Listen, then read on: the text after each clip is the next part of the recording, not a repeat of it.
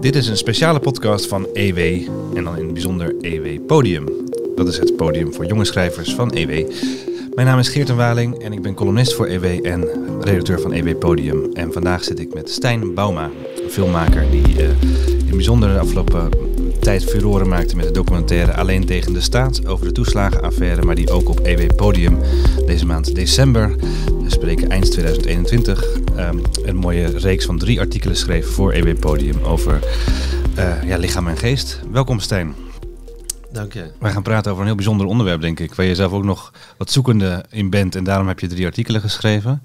Ja. Uh, misschien even een heel uh, concrete vraag, uh, meteen aan het begin. Uh, was het een directe spin-off van jouw documentaire over de toeslagenaffaire? alleen tegen de staat? Dat je, deze, dat je dit onderwerp interessant bent gaan vinden? We komen zo op het onderwerp zelf hoor, maar... Ja. Nou, nee, ik was eigenlijk al langere tijd met het onderwerp bezig. En eigenlijk toen ik alleen tegen de staat ging maken, toen zat dit ook in mijn achterhoofd bij het maken van de film. En dus ik wist ook een klein beetje dat, dat ik hier vragen over wil stellen, zeg maar. Hè? Om ook een klein beetje te kijken van hoe, um, ja, eigenlijk of de hypothese klopte. Of, hè, of een beetje. Want, want je hypothese is eigenlijk, als ik hem zo mag verwoorden, heel ja. simpel. Um, je hebt in verschillende aspecten belicht in die drie artikelen. Maar je hypothese is, de medische wetenschap focust heel erg op uh, um, de, de lichamelijke ziekte. Uh, en de oorzaken daarvan en uh, het genezen daarvan. Maar daarbij wordt veel te weinig rekening gehouden met psychologische elementen zoals trauma's, emoties, frustraties. Uh, zeg ik het zo goed? Ja. En dus ook de rol die die psychologische aspecten hebben in het creëren en verergeren van ziektebeelden. Precies, precies. Ja, want ik denk, um, kijk, emoties die spelen zich af zeg maar in het lichaam. En uh, juist ook een soort van de repressie of onderdrukken van emoties. Het heeft ook weer effect op hoe je lichaam functioneert. En dan ook met name het immuunsysteem. En um, ja, ik zag eigenlijk ja, toch steeds meer een soort van verbanden. Of dat ik dacht van dat hangt toch volgens mij heel erg samen. En dat zeg maar des te zwakker immuunsysteem is, des te meer gelegenheid er is eigenlijk voor ziekte om inderdaad zich te ontplooien. En, want jij kwam, we komen zo ook op, uh, denk ik, de persoonlijke aanleiding voor jou om uh, hiermee bezig te zijn, uh, die in de familiale sfeer ligt, als ik, het, als ik je artikelen goed lees. Um, maar misschien even eerst over die documentaire, want daar kennen mensen je misschien van. Die is heel erg goed bekeken. die is op televisie uitgezonden. Ik meen bij BNM Vara. Ja. Um, ergens in de zomer van 2021, geloof ik. nee, het was 20 september. Ja, september. Ja, ja, het was echt de dag, de avond voor uh, Prinsjesdag. Uh, Precies. Oh, ja, oh, ja, het was natuurlijk de week van. Prinsjesdag. En uh, daar stond het toeslagenschandaal, kunnen we wel zeggen. Want affaire klinkt weer zo...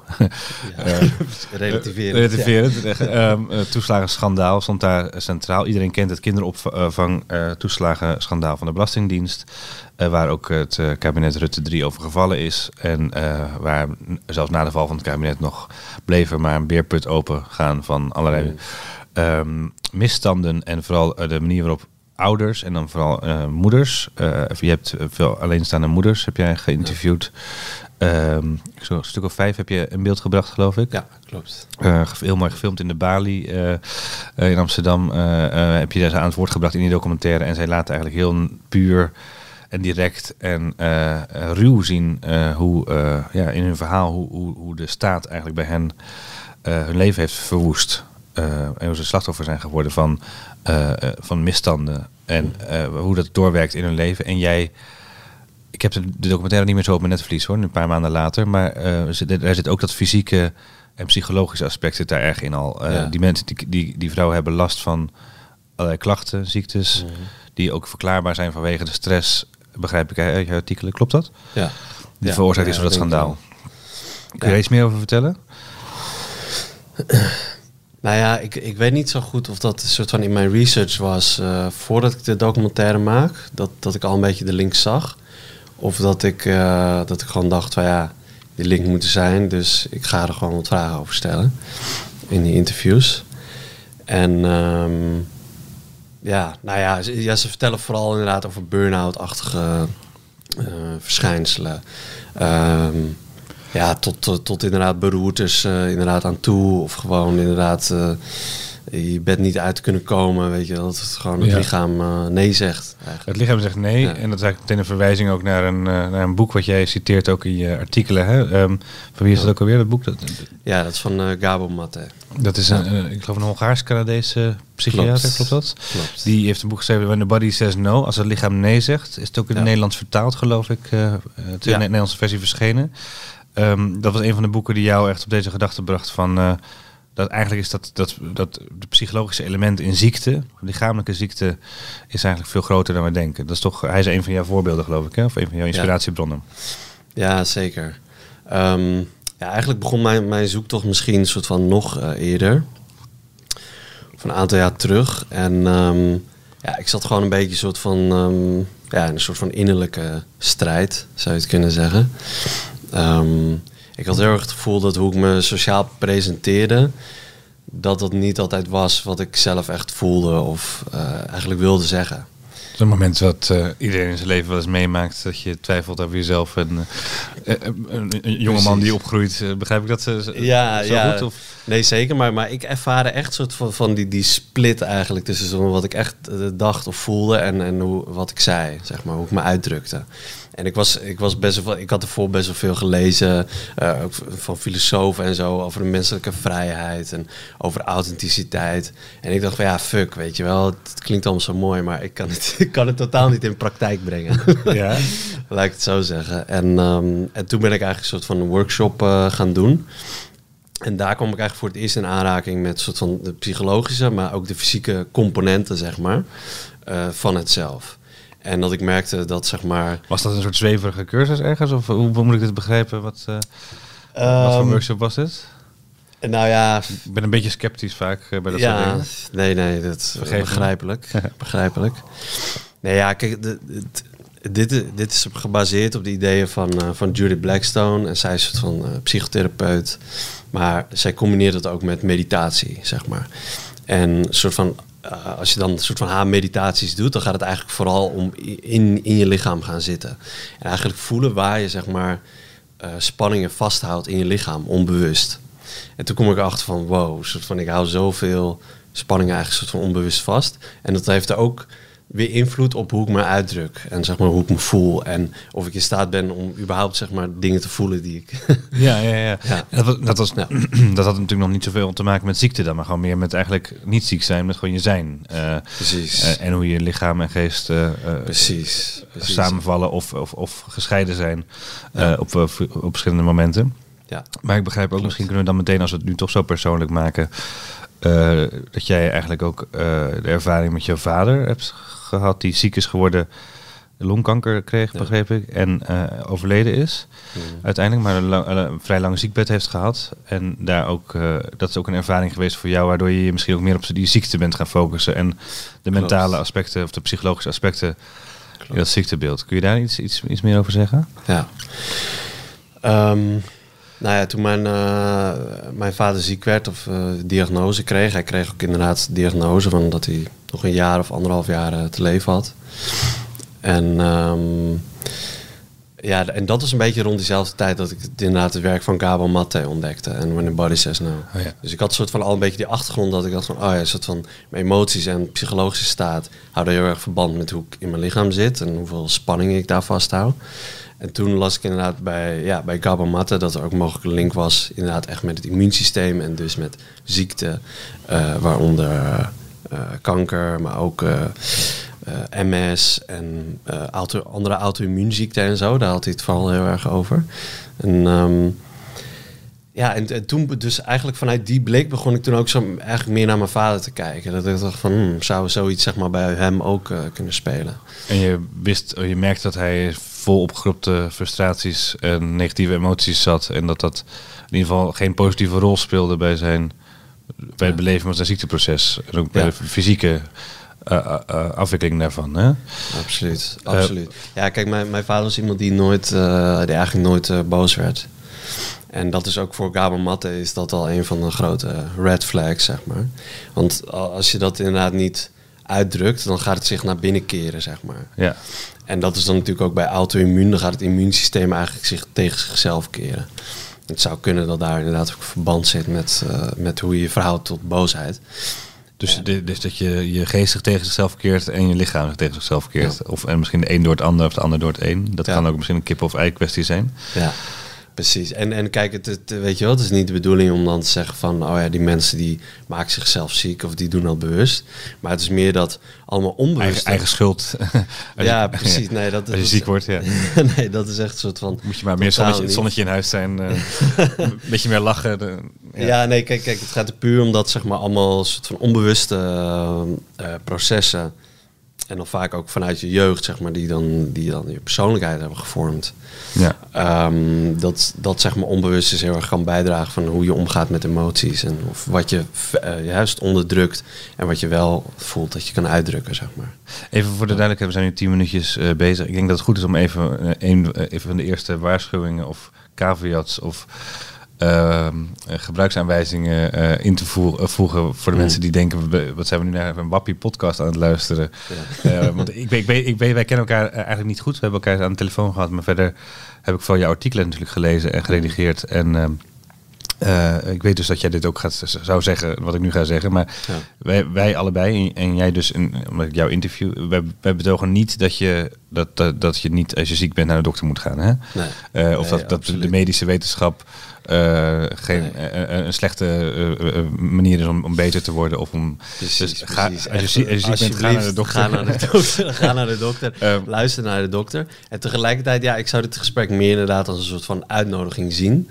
Om, naar, de, naar, de, naar de medische wetenschap ook toe, toch? Precies, precies. En, en maar ook voor de patiënten zelf. Om van, oh ja, als je in zo'n proces gaat, van, om gewoon een uitnodiging om ook zo'n soort zelfonderzoek eigenlijk te, te, starten en een soort van te kijken. In ieder geval een open mind te, uh, te houden, hè? begrijp ik? Een open mind uh, naar de mogelijkheid dat een fysieke, fysiek, fysiek ziektebeeld ook wel eens een psychologische oorsprong of in ieder geval component zou kunnen hebben. Precies. Um, en dat daar moet nog veel meer onderzoek naar gedaan worden en dat ja. soort uh, slagen om de arm. kijk, het is, het is ook niet dat ik wil zeggen van, oh ja, die psychologie die veroorzaakt die, die kanker of zo. Het is meer die psychologie kan ervoor zorgen dat, dat het immuunsysteem gewoon verzwakt functioneert. Ja. Waardoor inderdaad ziektes meer de ruimte krijgen om te ja. ontstaan en om te groeien. En je bent ook in je artikelen nogal uh, heel vragend en onderzoekend. En dat is ook een beetje jouw werk misschien wel als filmmaker. Want uh, dan onderzoek je dingen juist en dan bevraag je dingen zoals dat dan uh, genoemd wordt. Um, in plaats van dat je de antwoorden biedt. En voor de uitzending, voor de opname zei je net ook al tegen mij dat je zei, ja, ik ben niet specialist, hè, ik ben niet de expert op dit gebied. Dus, um, en dat geeft denk ik ook niet, omdat je interessante vragen opwerpt en je hebt je verdiept in de literatuur hierover. Maar dan hebben we dit even alvast een soort disclaimer, disclaimer ingebouwd. Ja. Um, maar nu even terug naar die. Naar, naar, misschien kun je toch even, als je het niet heel vervelend vindt, je vader even als voorbeeld noemen. Want dat is iemand, mm. iemand heb je heel dichtbij uh, meegemaakt. Je, ja. va je vader uh, kreeg longkanker uh, en een heel negatieve, nou ja, dat is vaak bij longkanker, prognose. Nog ja. een jaar, anderhalf jaar te leven. Um, hij veranderde ook in karakter, dus eigenlijk, merkte je. Hij was gefrustreerd, woedend, soms ja, An hij, anders dan hij was. Precies, hij had op een gegeven moment had hij juist een paar uitingen van, van woede, of, of meer een soort van razernijachtig. Die ik dacht van, hé, hey, dat heb ik eigenlijk nooit eerder bij hem gezien. En uh, het was niet dat het heel constant was. Ik denk daarna kwam hij weer iets meer in die uh, rep repressiemodus, zeg maar. Maar het, het, was voor mij wel aanleiding om te denken van, oh, zie je wel, dus is dat eigenlijk een soort van enorm veel uh, boosheid bij hem. Die, die eigenlijk vroeger nooit een soort goede uitgang heeft gekregen. En was het ook dan niet omdat, dat, uh, omdat hij niet kon omgaan met het lot, met het noodlot wat hem uh, overkwam? Uh, dat hij ziek was en dat het zo snel bergafwaarts ging? En... Nou, ik, ik denk deels, maar kijk, hij, kijk, zijn karakter was ook heel erg van um, andere mensen niet lastigvallen. niet bij andere mensen soort van over hun grenzen heen gaan of zo. Um, en, uh, en kijk, hij, en hij was iemand die eigenlijk soort van nooit hulp vroeg. Hij was iemand die altijd soort van alles zelf moest doen. En het was altijd van, uh, weet je wel, van niet echt aanstellen en weet je wel. Dus, dus dat waren allemaal een paar van die dingen die, die ook Gabo Matte omschreef. En die ik dan eigenlijk van herkende bij mijn vader. En die ik ook bij mezelf herkende ik was natuurlijk ook zo van kind van mijn vader. En mijn vader was weer kind van zijn vader.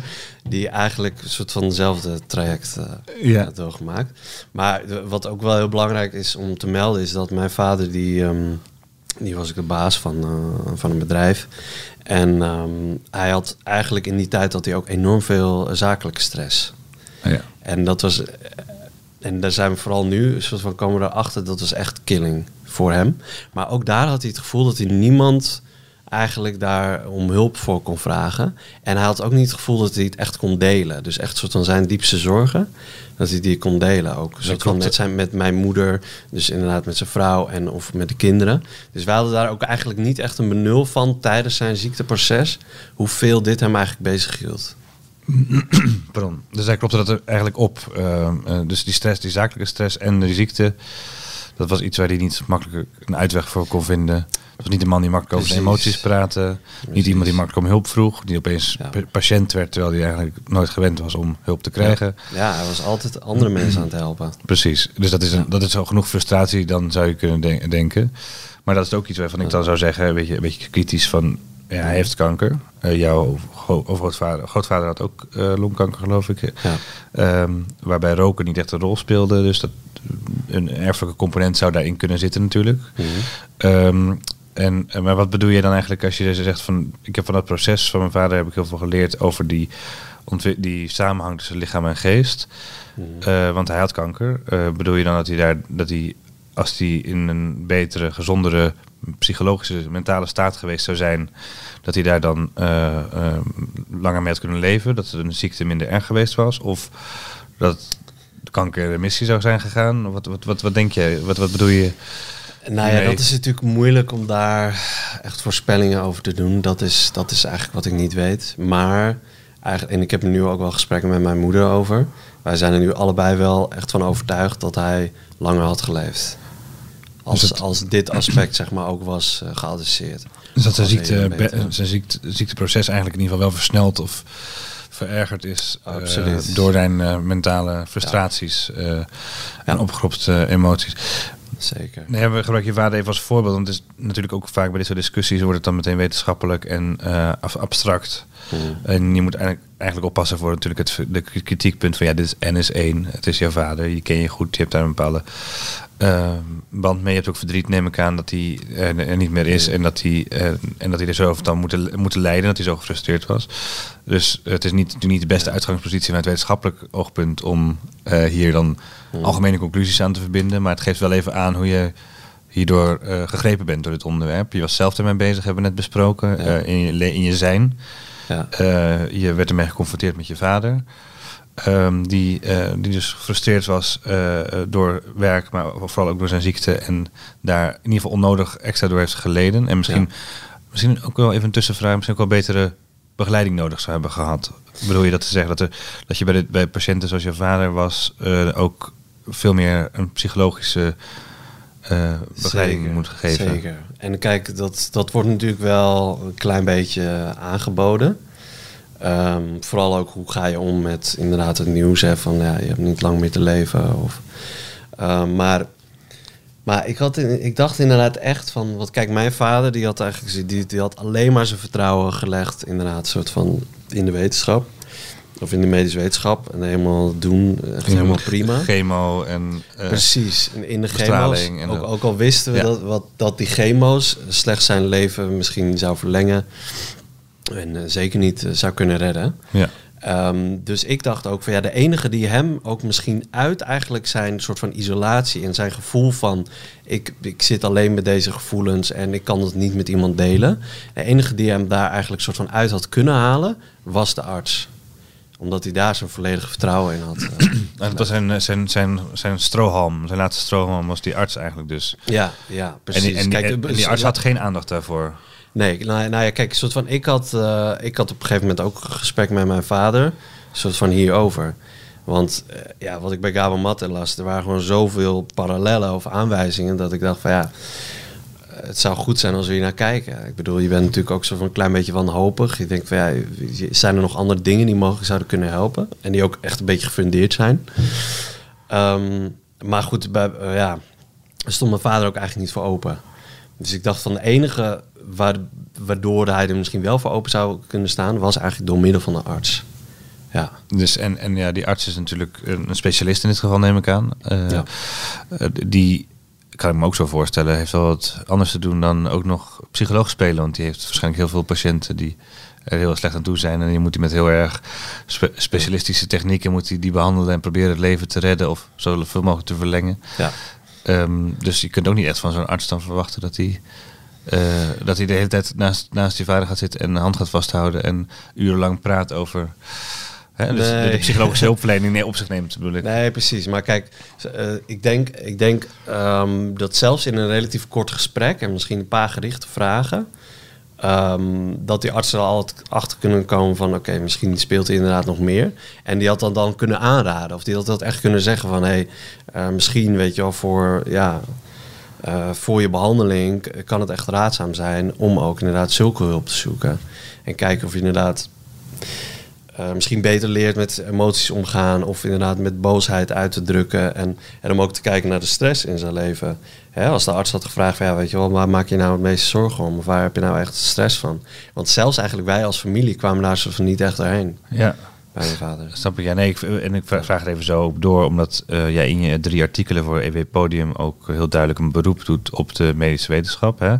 Je zei ook altijd ook een uitnodiging, eh, ook dit gesprek, en eh, voor eh, mensen die patiënt zijn, of die, eh, die, een, patiënt, die, die een ziektebeeld hebben, om zich ook eens af te vragen wat is de mentale component ervan. Maar het is zeker ook een beroep op de medische wetenschap, op ar- artsen. die, zeker, zeker. Want kijk, doet. ik denk ook, soort van bij mijn vader was het ook, hij had natuurlijk ook een geschiedenis eigenlijk van met auto-immuunziekte. Dus dan moet je ook weer een klein beetje die, die geschiedenis.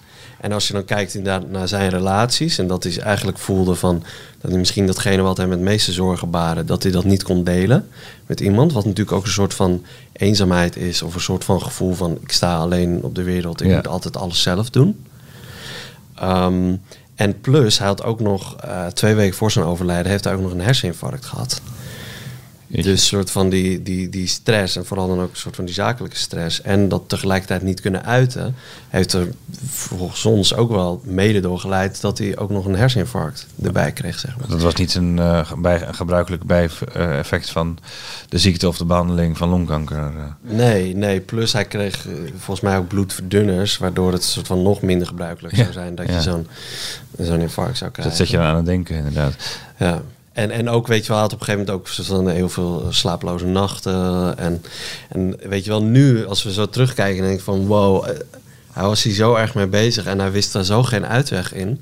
En hij kon daar geen hulp voor vragen. Want dat zou voor hem eigenlijk een soort, ja, ik weet niet, zijn eer of zijn trots. eh, Ja. ja. het, eh, ja, inderdaad, wat ik zei, mijn moeder en ik zijn er wel een beetje van overtuigd dat het wel het proces Ja. heeft versneld, zeg maar. Nu, en nu even van je vader naar meer het algemene Ja. eh, plaatje. Eh, dank trouwens voor het delen van toch dit is toch een heel persoonlijk verhaal. Dus ehm, respect daarvoor. Maar ehm, je kwam toen met eh, bijvoorbeeld ook met die, met, die, met die moeders van de toeslagen, Hmm. toeslagenschandaal in contact. En daar heb je die vragen ook aan gesteld over hun geestelijke gesteldheid. En kwam je er ook achter dat ze eigenlijk allerlei fysieke klachten hebben, zoals je net eh, omschreef.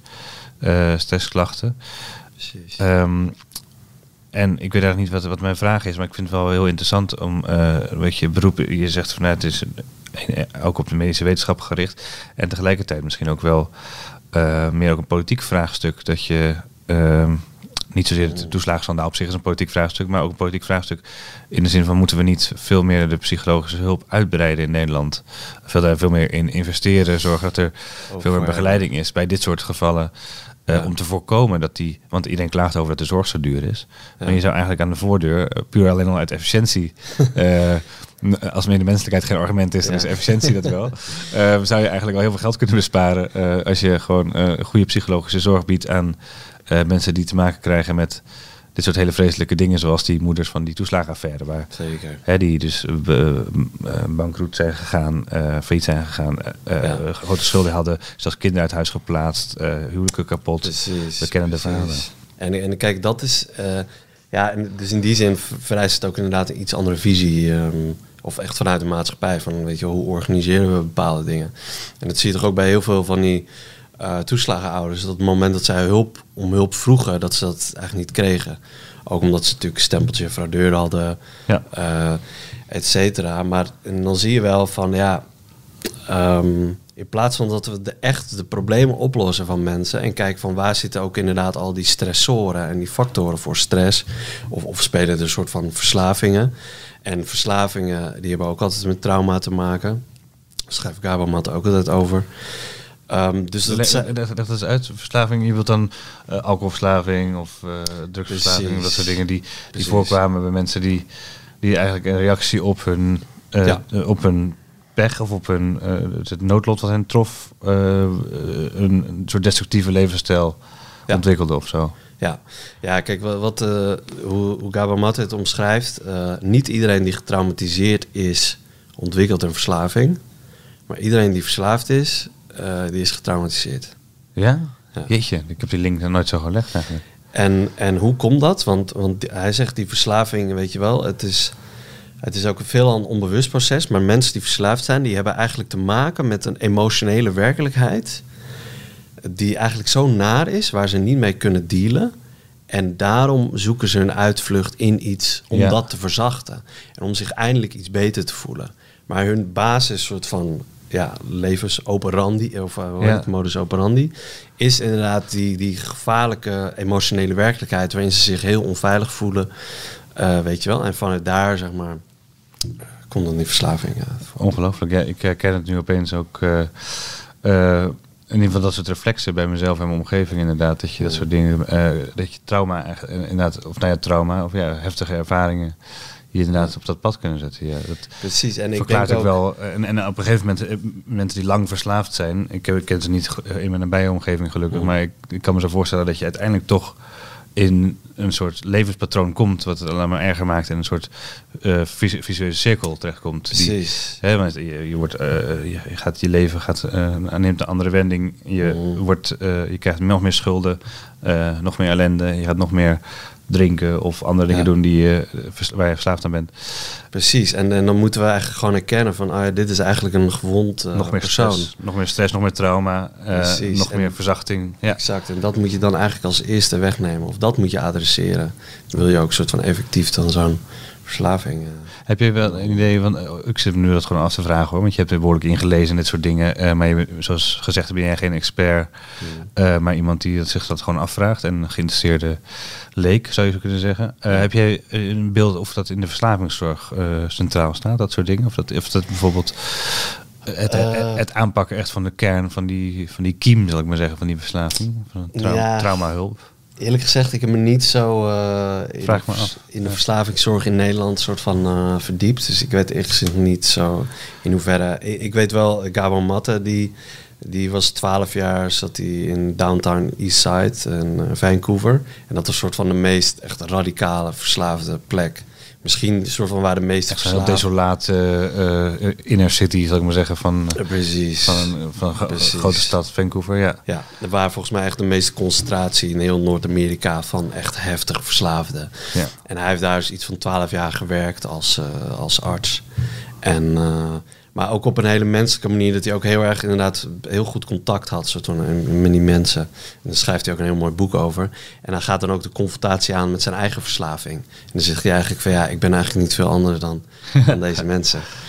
Weet je, dus, dus dat is ook super mooi. Soul searching uh, eigenlijk. Ja. Nou ja, en ook, eh, kijk, bij, want uh, in het geval natuurlijk van die toeslagen en een soort van echt extreme traumatiserende uh, hè, dat is natuurlijk, ja, dat, dat kan iedereen wel een beetje begrijpen of zo.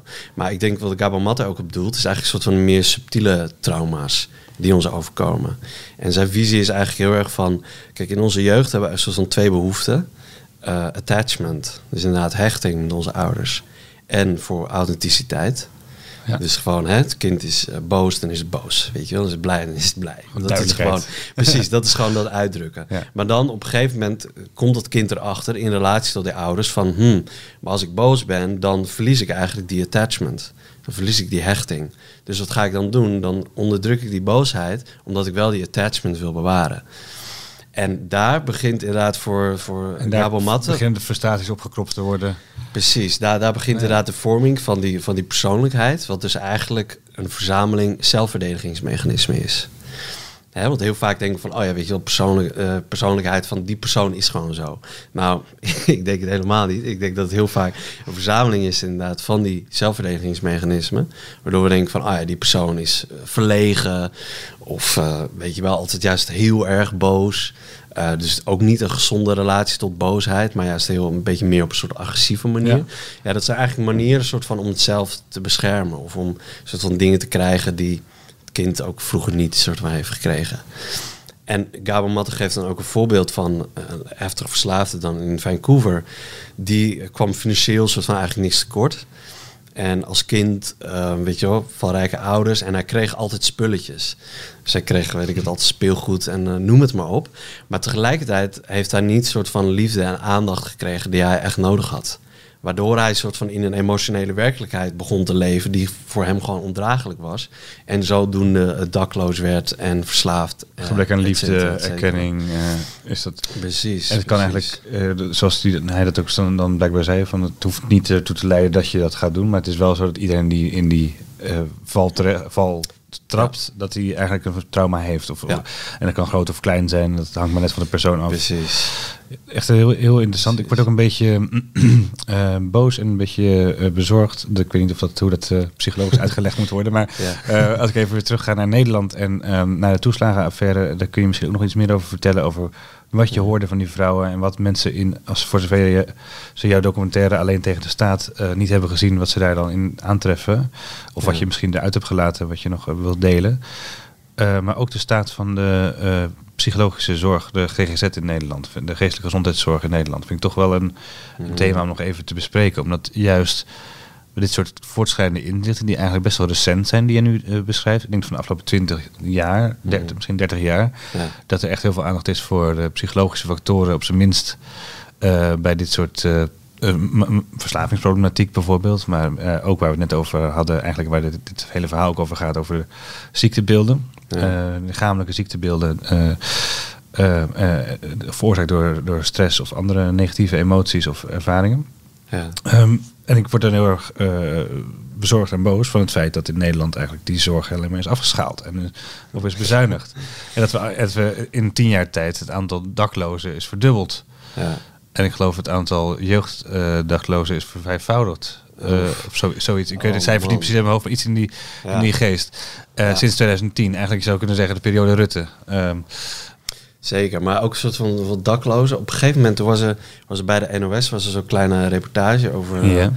uh, daklozen. En het was, hè, die hadden een soort van opvang. En vaak was eigenlijk die opvang met meerdere in dezelfde ruimte slapen of bedjes en weet ik het allemaal niet. En door corona uh, hè, konden ze dat eigenlijk niet meer maken. Oh ja.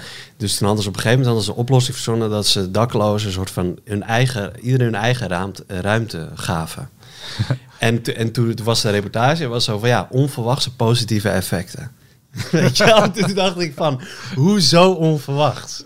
Een soort van, als je iemand inderdaad gewoon een soort veiligheid geeft, een dak boven zijn hoofd, zijn eigen ruimte. Je bedoelt, je bedoelt dat, er nog, dat, dat het met die mensen beter ging daardoor? Ja, ja precies. Dat, dat, ze, dat ze daardoor veel beter uh, opkrabbelden, et cetera. En, en Marcel Levy, die, die zei dat ook, want hij zat toen natuurlijk een tijdje in Londen.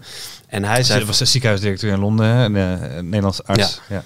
En, en, hij, en hij zei van ja, in Londen, uh, ook vanwege corona, toen hebben ze alle daklozen in uh, hotelkamers gestopt. Want ja, die hotels stonden toch leeg. En ze wilden dan die mensen van de straat hebben, omdat het dan minder besmetting.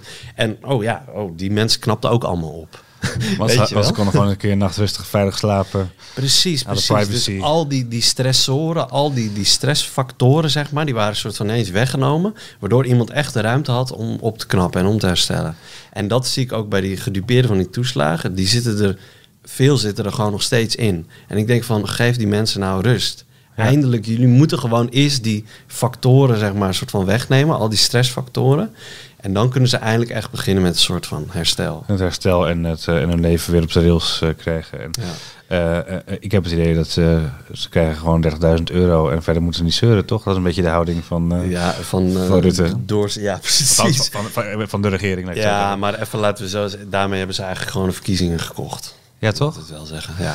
Ik, ik, moest, ik vond het uh, frappant trouwens, even om hier op deze zaak nog even in te gaan, dat, dat uh, zelfs Pieter Omzicht, die de hele boel aan het, aan het rollen heeft gebracht, mm -hmm. dat die ook met zijn handen in zijn haar zat van, Wat zijn ze nu weer aan het doen? Gaan ze iedereen zomaar 30.000 euro geven? Ja. Zonder te kijken wie wat, of iemand het wel eh, verdient. Of hè, Ja. eh, puur paniekvoetbal. Ja. Dat- hij zelfs daar tegen was. Terwijl hij eh, alles, alles, alles heeft gedaan voor die slachtoffers. Ja, klopt. Maar dat, dat, dat had ook een verhaal. En dat, dat, dat stond in zijn memo, zeg maar, die toen was uitgelekt voor de commissie Spies of zo. hè, die interne Die de interne CDA-onderzoek.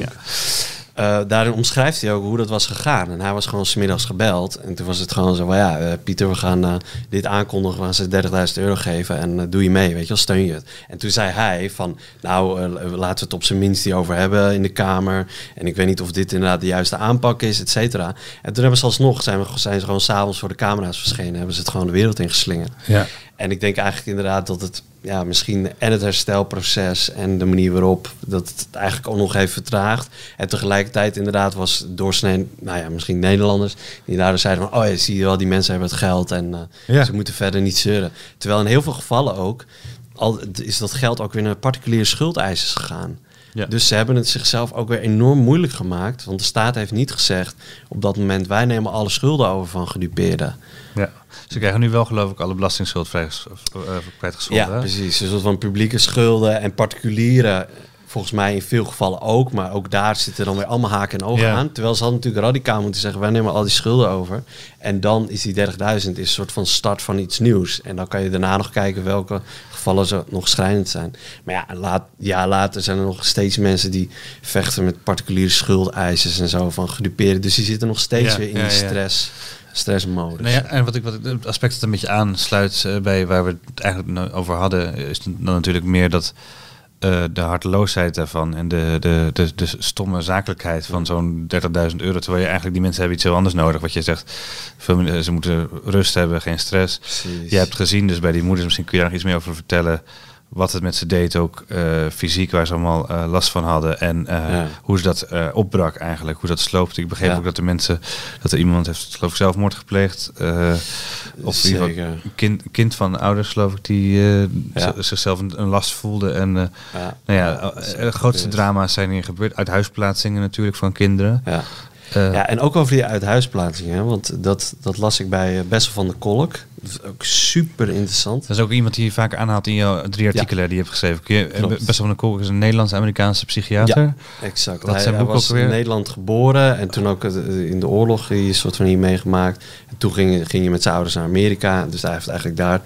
eh, zijn boek heet eh, The Body Keeps the Score. Oh ja, Dus daar, daar zegt het het lichaam houdt de, het lichaam houdt de score bij. Het ja. lichaam houdt de score bij van inderdaad wat je, wat je meemaakt en hè, wat je soort Een van soort scorebord. we- Of, eh, stand... ehm, kerfstok eigenlijk wordt eh, al, alles wat je meemaakt eh, psychologisch wordt in je Ja. of psychisch wordt in je lichaam opgeslagen. Ja, ja Goed, exact. vertel. En, en hij richt zich eigenlijk, eh, hij richt zich voornamelijk op eh, PTSS. Daar heeft hij heel veel, weet je, van eh, veteranen uit Vietnam tot mensen met seksueel misbruik en zo. Dus allemaal van, nou ja, wel- wel echt zo'n meer heftige gevallen. Dat is zeg maar waar hij mee, mee bezig was. En op een gegeven moment heeft hij een, verhaal over dat in Londen tijdens de Tweede Wereldoorlog. waren ze, hadden ze zeg maar twee groepen kinderen hadden ze een soort van ja, in de gaten gehouden. De ene groep die ging naar het platteland. Dus die werden hè, uit de blitz en uit de luchtbombardementen, zeg maar, Ja. werden die voor de, voor de veiligheid in het platteland gebracht. En die andere groep kinderen die bleef bij hun ouders, maar wel hartje londen en bombardementen en lijken en noem het maar op. Ja. En wat bleek, die kinderen die eigenlijk bij hun ouders bleven, die, die kwamen er later beter vanaf in hun leven dan die kinderen die naar het Die, platteland die veilig in de boer- op een boerderij zaten, maar, maar niet, bij, Precies. niet bij hun ouders waren. waren. Niet bij hun ouders eh, waren, ja. Dus ondanks, dus dat is zo belangrijk is het om eh, die veiligheid en geborgenheid te hebben voor je ouders. Ja, ja, en, en nou vooral, en, dat dus, en, en ook het feit, en dat zegt Gabo Matte ook, van je kan inderdaad traumatische dingen een soort van meemaken. Maar als er iemand is, hè, een oude persoon, om jou daarbij te helpen, om dat soort van te verwerken of jou daarin te zien en te erkennen, dan, dan kom je er eigenlijk nog redelijk goed vanaf. zeg Ja. maar. Weet je wel, zo who did you talk to? Weet je wel, was er één persoon op dat moment in je leven die echt naar je luisterde, die er echt voor je was? Dus, en, en dan is het misschien ook weer de grootste factor van het trauma, dus niet de, ervaring zelf, maar de verwer- de, het onvermogen om daarover te praten met mensen, Ja. dat goed te, te verwerken. Ja, eh, je veilig te voelen om daarover te praten. zeker. Eh, en dat geldt dus Zeker. eigenlijk. Maar dan, nog weer die toeslagen, Ja. eh, toeslagenschandaal. Dan zou je toch denken, stuur dan niet 30.000 euro naar die mensen toe, maar stuur gewoon eh, goede psychische hulp. En niet alleen naar die, naar die ouders van het toeslagenschandaal, maar die slachtoffers, maar ook gewoon naar, naar heel veel mensen die in de schuldenproblematiek zitten, verslavingsproblematiek. Uh, mm. toch? Uh, ja. Je, ja, nog, zeker, nogmaals, als het niet uit medemenselijkheid is, dan toch op zijn minst uit efficiency ja. overwegen. ja, zeker. Nou ja, ik denk in die zin dat begrip van trauma heel veel dingen echt zou op de schop zou gooien. Of een beter begrip en daardoor dat we betere omstandigheden kunnen creëren, zeg maar. Want het is geen zweverig geklets, het is gewoon statistisch bewezen. Uh, want jij je ja. noemt nu een paar voorbeelden in de podcast en je hebt hier geen papiertje op tafel, ik ook niet. We doen het uit ons hoofd. Ja. Maar in jouw artikelen verwijs je echt naar een paar, we hebben een paar boeken genoemd, maar ook mhm. naar artikelen waarin, uh, waarin er echt heel veel voorbeelden staan. Uh, ook van, van, van nou ja, statistisch onderzoek waar gewoon uitblijkt, heel duidelijk, uh, dit soort uh, zorg bij trauma's ja. helpt. Uh, of anders tegenovergestelde daarvan, als je niet zorgt dan, voor, die, voor die mensen, dan ontstaan er allerlei problemen. En dus ook Precies. zelfs tot aan fysieke ziektes aan toe. Hè? Want dat ja. eigenlijk een beetje begonnen van die lichaam en geest ja. zijn niet zo gescheiden als we vaak denken in de Zeker. medische wetenschap. En daar was ook een, daar was ook volgens mij een heel beroemd onderzoek over. Dat heet, gaat over adverse childhood events of zo, ACE. En, en dat bleek inderdaad dat mensen die heel veel van die adverse childhood events hadden. Wat zijn dat dan? Dat is ervaringen in je jeugd? Ja, precies. Een klein beetje een soort van uh, traumatische ervaringen. En uh, ik weet niet, hadden ze een soort van lijstje voor met een aantal dingen okay, die ze dan. En zeg maar, des te meer mensen, uh, zeg maar, des te meer dingen zij van het lijstje hadden, uh, des te eigenlijk grotere problemen later in het leven. Echt een soort van op alle vlakken. eigenlijk weet je, inderdaad met, met ziekte, misschien ook met werk en uh, nou ja, gewoon relaties en, en you name it. En voor, voor mensen zelf en omgeving kan het dan lijken dat je overvallen wordt door ziekte? Of dat je overvallen wordt door... Uh, door, door, door, door, psychologische mm. ziekte, psychische ziekte misschien ook wel, maar men, hoe heet het, mentale ziekte, maar ook ja. fysieke ziekte dus, lichamelijke ziekte. Um, ik kan het voelen alsof je overvallen wordt, maar eigenlijk zou je het ook kunnen uittekenen als je precies zo, zo weet hoe die traumaverwerking werkt. Precies, als je beter begrijpt hoe, trauma werkt. Waarbij we natuurlijk niet zeggen dat als je verkracht bent in je jeugd, uh, dat je dan later kanker krijgt op die leeftijd of zo. Dat is natuurlijk uh, dat, nee. dat zullen we niet beweren. Nee. Maar wel dat je bepaalde uh, Nee, dat je de, Precies, de body keeps de score, dat je een bepaald resultaat kan zien. Zeker. Dat je achteraf in ieder geval kan traceren van er is een, een negatieve factor geweest Zeker. En, en wat gebeurt daar, zeg maar, om even soort van over dit nou ja, heftige geval eigenlijk soort van in te gaan, is dat als dat kind dat meemaakt, ja. Um, die heeft nog niet soort van de afstand of, of om dat soort van echt los te kunnen laten of om te verwerken. Zeker inderdaad wat wij zeiden, als er niet iemand is, om um, ja, daar met het kind over te praten of dat het kind daarmee weer iemand uh, weg kan, uh, kwijt kan. Maar wat gebeurt er dan? Het kind gaat eigenlijk denken van het is mijn eigen schuld. Ja. En dan gaat ja, misschien heb ik het wel aan mezelf te danken. Dat is gewoon een beetje zoals van hoe het kindbrein dan werkt. En dat is natuurlijk een recept voor eigenlijk het leven lang jezelf van dingen de schuld geven, uh, boos worden op jezelf, schuldig voelen, uh, et cetera. Wat natuurlijk weer enorm pijnlijk is voor hoe je omgaat met emoties en wat je kan uitdrukken en ook hoe je relaties aan kan gaan met mensen. Dat is die frustratie uh, die dan krijgt, of, of ja, hoe moet je het noemen? Uh, ja. emotie uh, en het... Uh, Precies, en, en ook misschien dat je onbewust, zijn, ja. dat je onbewust zelf de situaties gaat, gaat opzoeken. He, dus dat je denkt van, oh ja, dit is blijkbaar wat liefde is, of dit is blijkbaar hoe he, attachment werkt. Dus dan, ja, je, je kennen ook allemaal die verhalen van vrouwen die eigenlijk telkens weer bij verkeerde mannen ja. in handen vallen. Maar dat is gewoon omdat zij misschien in de jeugd al uh, niet beter weten of niet beter kennen van, oh ja, dit is blijkbaar, hè, het is normaal als hij me slaat. Want of, dat of, is, of mannen die in de jeugd misbruikt zijn en die zelf ook misbruiken, uh, zedenmisdrijven gaan plegen. Ja? Dat soort hele trieste gevallen. We, het is wel een breed thema. Hè? We zitten wel echt wel, we, het heeft, heeft, allemaal met hetzelfde te maken, maar we moeten een beetje richting een soort van afronding, denk ik. uh, uh, ook, en ook een soort uh, een, een overkoepelende visie op wat ze hier eigenlijk besproken hebben. Mm. en wat mensen verder kunnen lezen in jouw artikelen bij EB Podium en ook nou, voor een deel kunnen terugzien in jouw documentaire. Ga je hier nou mm. eigenlijk ook nog iets anders mee doen? Eigenlijk? Ga je hier nog eens een keer een film over maken? Dat is eigenlijk jouw, jouw, jouw vak. Uh, of is dit ja, iets wat meer in, als rode draad terugkomt in, in werken die je, die je maakt, zoals, die, uh, zoals de toeslagenschandaal?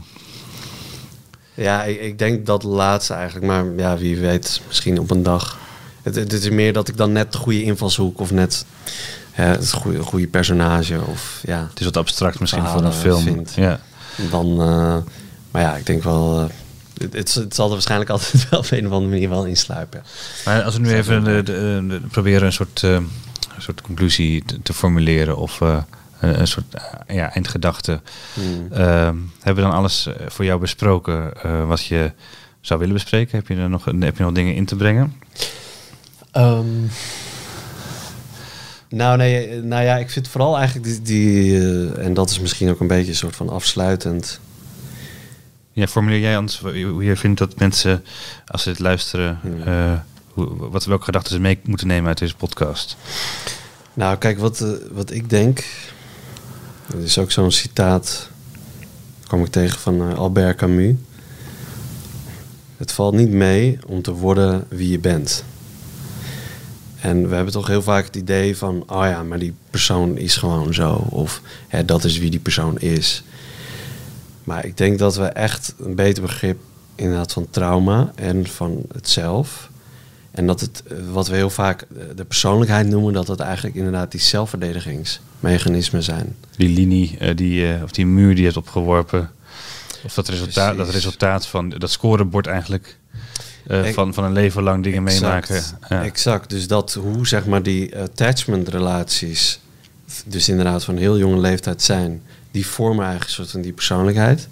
En die persoonlijkheid, die, ja, die bepaalt dan eigenlijk heel veel soort van in je leven. En ook bij die soort van attachment theory eh, was opgezet door John Bowlby en nu volgens mij echt wijdverbreid in de psychologie. Het wat, het wat interessanter was bij die attachment theory, de- deden ze testen met eh, baby's. En dan konden ze kijken wat voor soort attachment die baby heeft ontwikkeld. Maar dat niet alleen. Het was volgens mij zelf zo dat ze op basis van die test al kon bepalen hoe 20, 30 jaar later deze persoon over zijn jeugd zou vertellen. Weet je. Weet je wel? Dus, dus dat is eigenlijk een soort van zo enorm vormend. En tegelijkertijd is het dus het is niet een gegeven dat je een soort van jezelf bent. Hè? Dat is een beetje in onze tijd van, oh ja, weet je wel, wees gewoon jezelf en druk gewoon jezelf uit. Nou, het is, het is moeilijk. Want het, het vereist ook inderdaad kwetsbaarheid. Het vereist, vereist werken met die zelfverdedigingsmechanismen. Ja. En jezelf meer soort van durven openstellen. En tegelijkertijd denk ik dat als je dat wel durft en inderdaad dat er goede begeleiding voor is en goede omstandigheden voor zijn, ehm, ja, dat je inderdaad als gevolg daarvan ook eh, minder lichamelijke klachten zal hebben. Ja, of als je ziek wordt, dat je daar dan eh, op een betere manier mee omgaat. Dat het niet, niet verergerd wordt. Eh, Precies, dat het immuunsysteem ook sterker is om Ja. een soort van te daartegen te vechten. En er, er zullen vast toch ook inderdaad andere dingen invloed hebben op het immuunsysteem. Maar ik denk specifiek deze psychologische kant is misschien een soort van onderbelicht. Of zou ik denken van nou jongens, laten we dat eh, dat is beter onderzoeken. Ja. Ik, ik, ik moet nog denken aan dat eh, een hele mooie serie eh, die je had van de BBC, geloof ik. Seven Up heette die. Weet je niet of je die kent? Eh. Het is een, een serie. ehm, ik moet heel erg graag, want ik heb hem op, school, eh, middelbare school gezien. Dat is dan weer ongeveer bijna twintig jaar geleden nu. Maar ehm, ik geloof dat het was een serie waarbij ze zeven jaar, elke zeven jaar filmden ze een bepaalde groep kinderen in hun leven. Maar dan- kinderen en later als jongvolwassenen, als volwassenen. En dat hebben ze geloof ik 30 of 40 jaar volgehouden, of nog langer zelfs.